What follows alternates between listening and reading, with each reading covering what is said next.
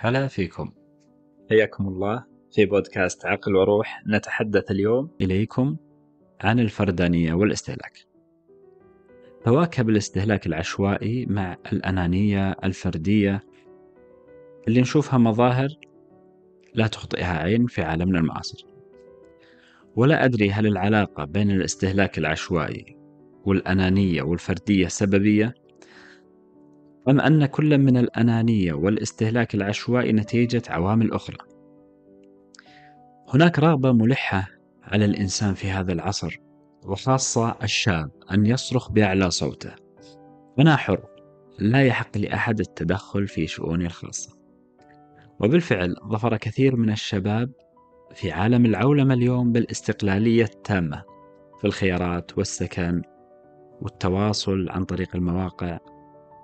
وطريقة اللباس وأسلوب الحياة مشارب التفكير وانزوى الآباء خلف رعشات أيديهم التي تودع في كل حقبة. ابنا خرج عن قلعة التقاليد وإحاطة الوالد التامة. وماذا بعد ذلك؟ إنهم يطيرون لكل شعار ويهتفون خلف كل راية. هذا إن كانوا ممن تستهويهم الشعارات والرايات. أو انغمسوا في التبضع والتمتع وإزجاء الوقت في اللاشيء وكثير منهم حار في هذه الحرية وندم عليها. يقول طه حسين أنا أخاف هذه الحرية. بالفعل هذا الشاب افتقد حنان الأسرة دفء التوجيه وهيهات أن يعود أو أن ينعم بهذه الأجواء الأسرية الحانية التي افتقدها مرة أخرى. لا لشيء إلا لأنه يريد طمأنينة الأسرة ولا يريد تبعاتها. فهو اتكالي مهزوز. لا يستجيب لطلبات المحيطين به ومن لهم حق عليه لأنه يرى ذلك جزءا من كينونته وتحقيقه لذاته. أن يقول لا البائسة الشريرة الأنانية.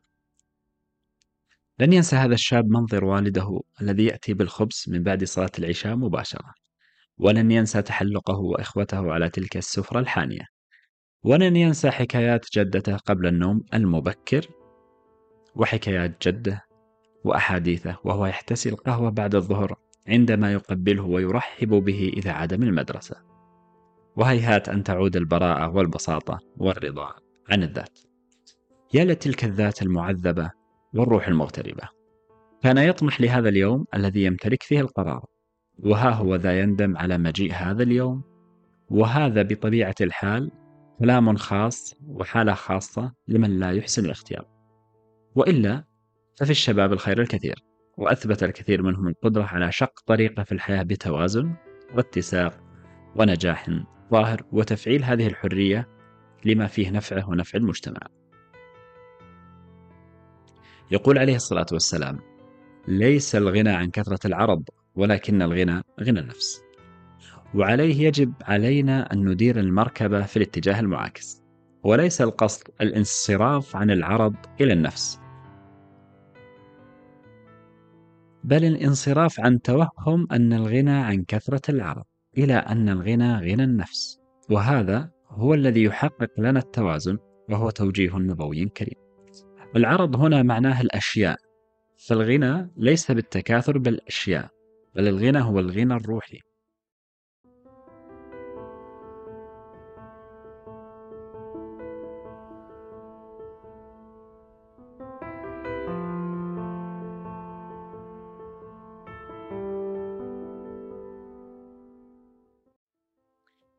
إن الفقير روحيا ومعرفيا يتكاثر بالسلع ليحقق ذاته ولا يدري أنه يلهث في حلقة مفرغة.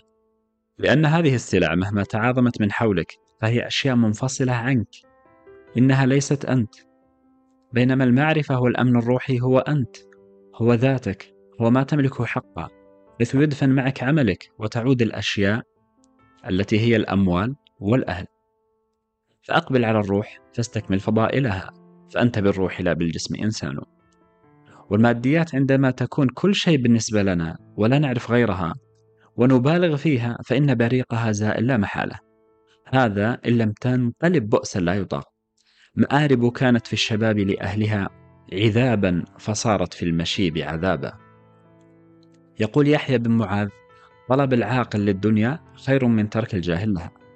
إذا الشعور بالثراء والرغبة في التملك ليس شيئا سيئا بل مطلوب ولكن عقلية القلة والتداوي بكثرة المصاريف والتباهي بالمقتنيات التي لا نحتاج إليها هو الشيء السيء.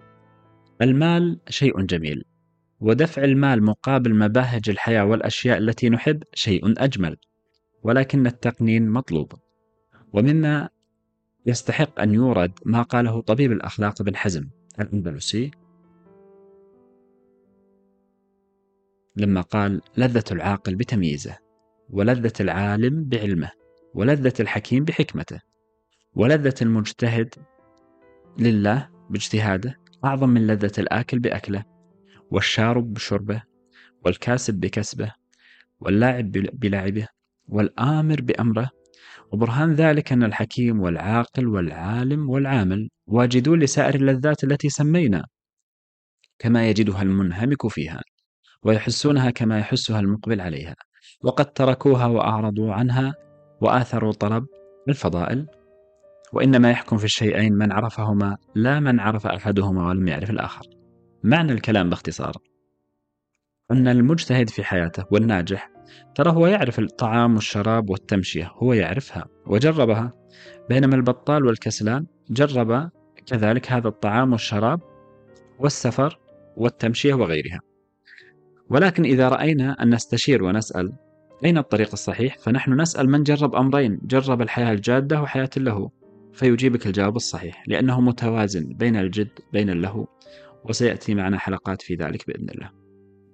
وكما قيل أقسى السجون هي تلك التي لا جدران لها. وبعد ذلك ما هو الاستهلاك العشوائي؟ هو الدخول في دوامة التسوق وتكديس الأشياء التي لا نحتاج إليها بل هو نوع من أنواع تسجية الوقت أو التكاثر والتفاخر. ومقارنة بالزمن الماضي لم يكن الناس يشترون إلا ما يستهلكون. إنهم لا يقتنون إلا الأشياء التي يستهلكونها بالفعل. وما هو ضروري؟ وكذلك حيز الكماليات لديهم قليل جدا. إنه من الراحة أن تستهلك ما اشتريت بالضبط. لا تزيد عليه ولا تنقص. وللتأكيد ليست دعوة للرجوع إلى الماضي بل دعوة للعودة إلى التوازن فقط. فلماذا الاستهلاك العشوائي؟ له أسباب ولا بد. فإن التسوق وتكديس الأشياء وتغيير الأثاث بشكل دوري مبالغ فيه وبلا مبرر وكذلك تغيير الأجهزة المحمولة والهواتف الذكية ما جاء من فراغ. بل هي عملية مدروسة من لدن الشركات المستفيدة من هذا الاستهلاك ودوامه. ولا أريد الدخول في جذر هذه المسألة المتصل برأس المال والعولمة ومجتمع الاستهلاك. فالموضوع الآن تربوي أكثر منه بحثي وإلا فبلا شك أنها مسألة تستحق مزيد دراسة. وللتوسع في هذا يرجع لبومان ومشروعه السوائل المعروف وبالأخص كتابه الحياة السائلة. وقد طلعت على هذا المشروع بعد التفكير والكتابة والقراءة في مواضيع الاستهلاك العشوائي. وكم تمنيت أن أنهل من هذه المجموعة كثيرا وأضع منها في هذه الحلقة؟ ولكن لهذا ضريبة ألا وهي تضخم هذه الحلقة وزيادة وقتها. مما لا يتناسب مع ما اخترته من الاختصار والتركيز على النقاط المهمة. على كل حال ذكرت الأستاذة هبة في مقدمة كتاب بومان الحياة السائلة بتلخيص. إن الفرد يواجه الخوف باستراتيجيات نفسية من أهمها الاستغراق في اللحظة الراهنة. وما السلوك الاستهلاكي والتمحور حول اللذة اللحظية إلا نتيجة لخوف حقيقي من فقدان كل شيء ومواجهة المجهول. فالعيش على الاقتراض في النظام الرأسمالي الذي يعدك بالمستقبل هنا والآن ويعطيك المال اللازم لذلك بأجل وفائدة. يختلف عن الأخلاق البروستانتينية التي بدأت به الرأسمالية من خلال الادخار. فالاقتراض تعبير عن حالة خوف من عدم التحقق والرغبة في الاقتناص قبل الأوان واستباقها. في حين كان الادخار ثقة وأملا في أن من يسعى سيصل وفي المقابل نجد أن رد فعل البراغماتيين تجاه عدم اليقين المتزايد هو الدعوة إلى عدم أخذ الحياة بجدية مفرطة. واتخاذ الاستخفاف بالحياة والسخرية منها وقبول التجريب المستمر بكل إحباطاته وتجاوزها. وهذا وسيلة للتعايش مع سيولتها المستمرة في مشروع الفكري في فهم الحداثة ذكر بومان تحولات علاقة الزمن والمكان بالتصور الحداثي حيث يتم استهلاك الأمكنة كما أوضح بالتفصيل جون أوري. واستيلاء السوق على المساحات فالأماكن تصبح طاردة يملكها فقط من يملك وهي تلتهم أحلام من لا يملكون. بل وحتى حياة من يسكنون فيلهثون لمجاراة شروط المكان من نمط حياة ومظاهر استهلاك.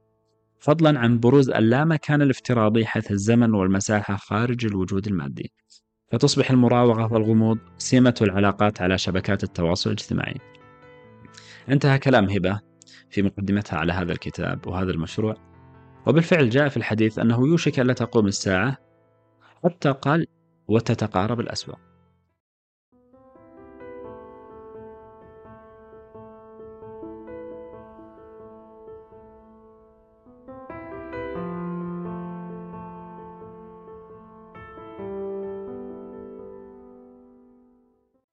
وأذكر هنا بما قالها ابن خلدون والبدوي لم يكن دخله كثيرا إذا كان ساكنا بمكان كاسد الأسواق في الأعمال التي هي سبب الكسب. فإن لم يتأثل كسبا ولا مالا فيتعذر عليه من أجل ذلك سكن المصر الكبير يعني المدينة الكبيرة لغلاء مرافقه وعزة حاجاته.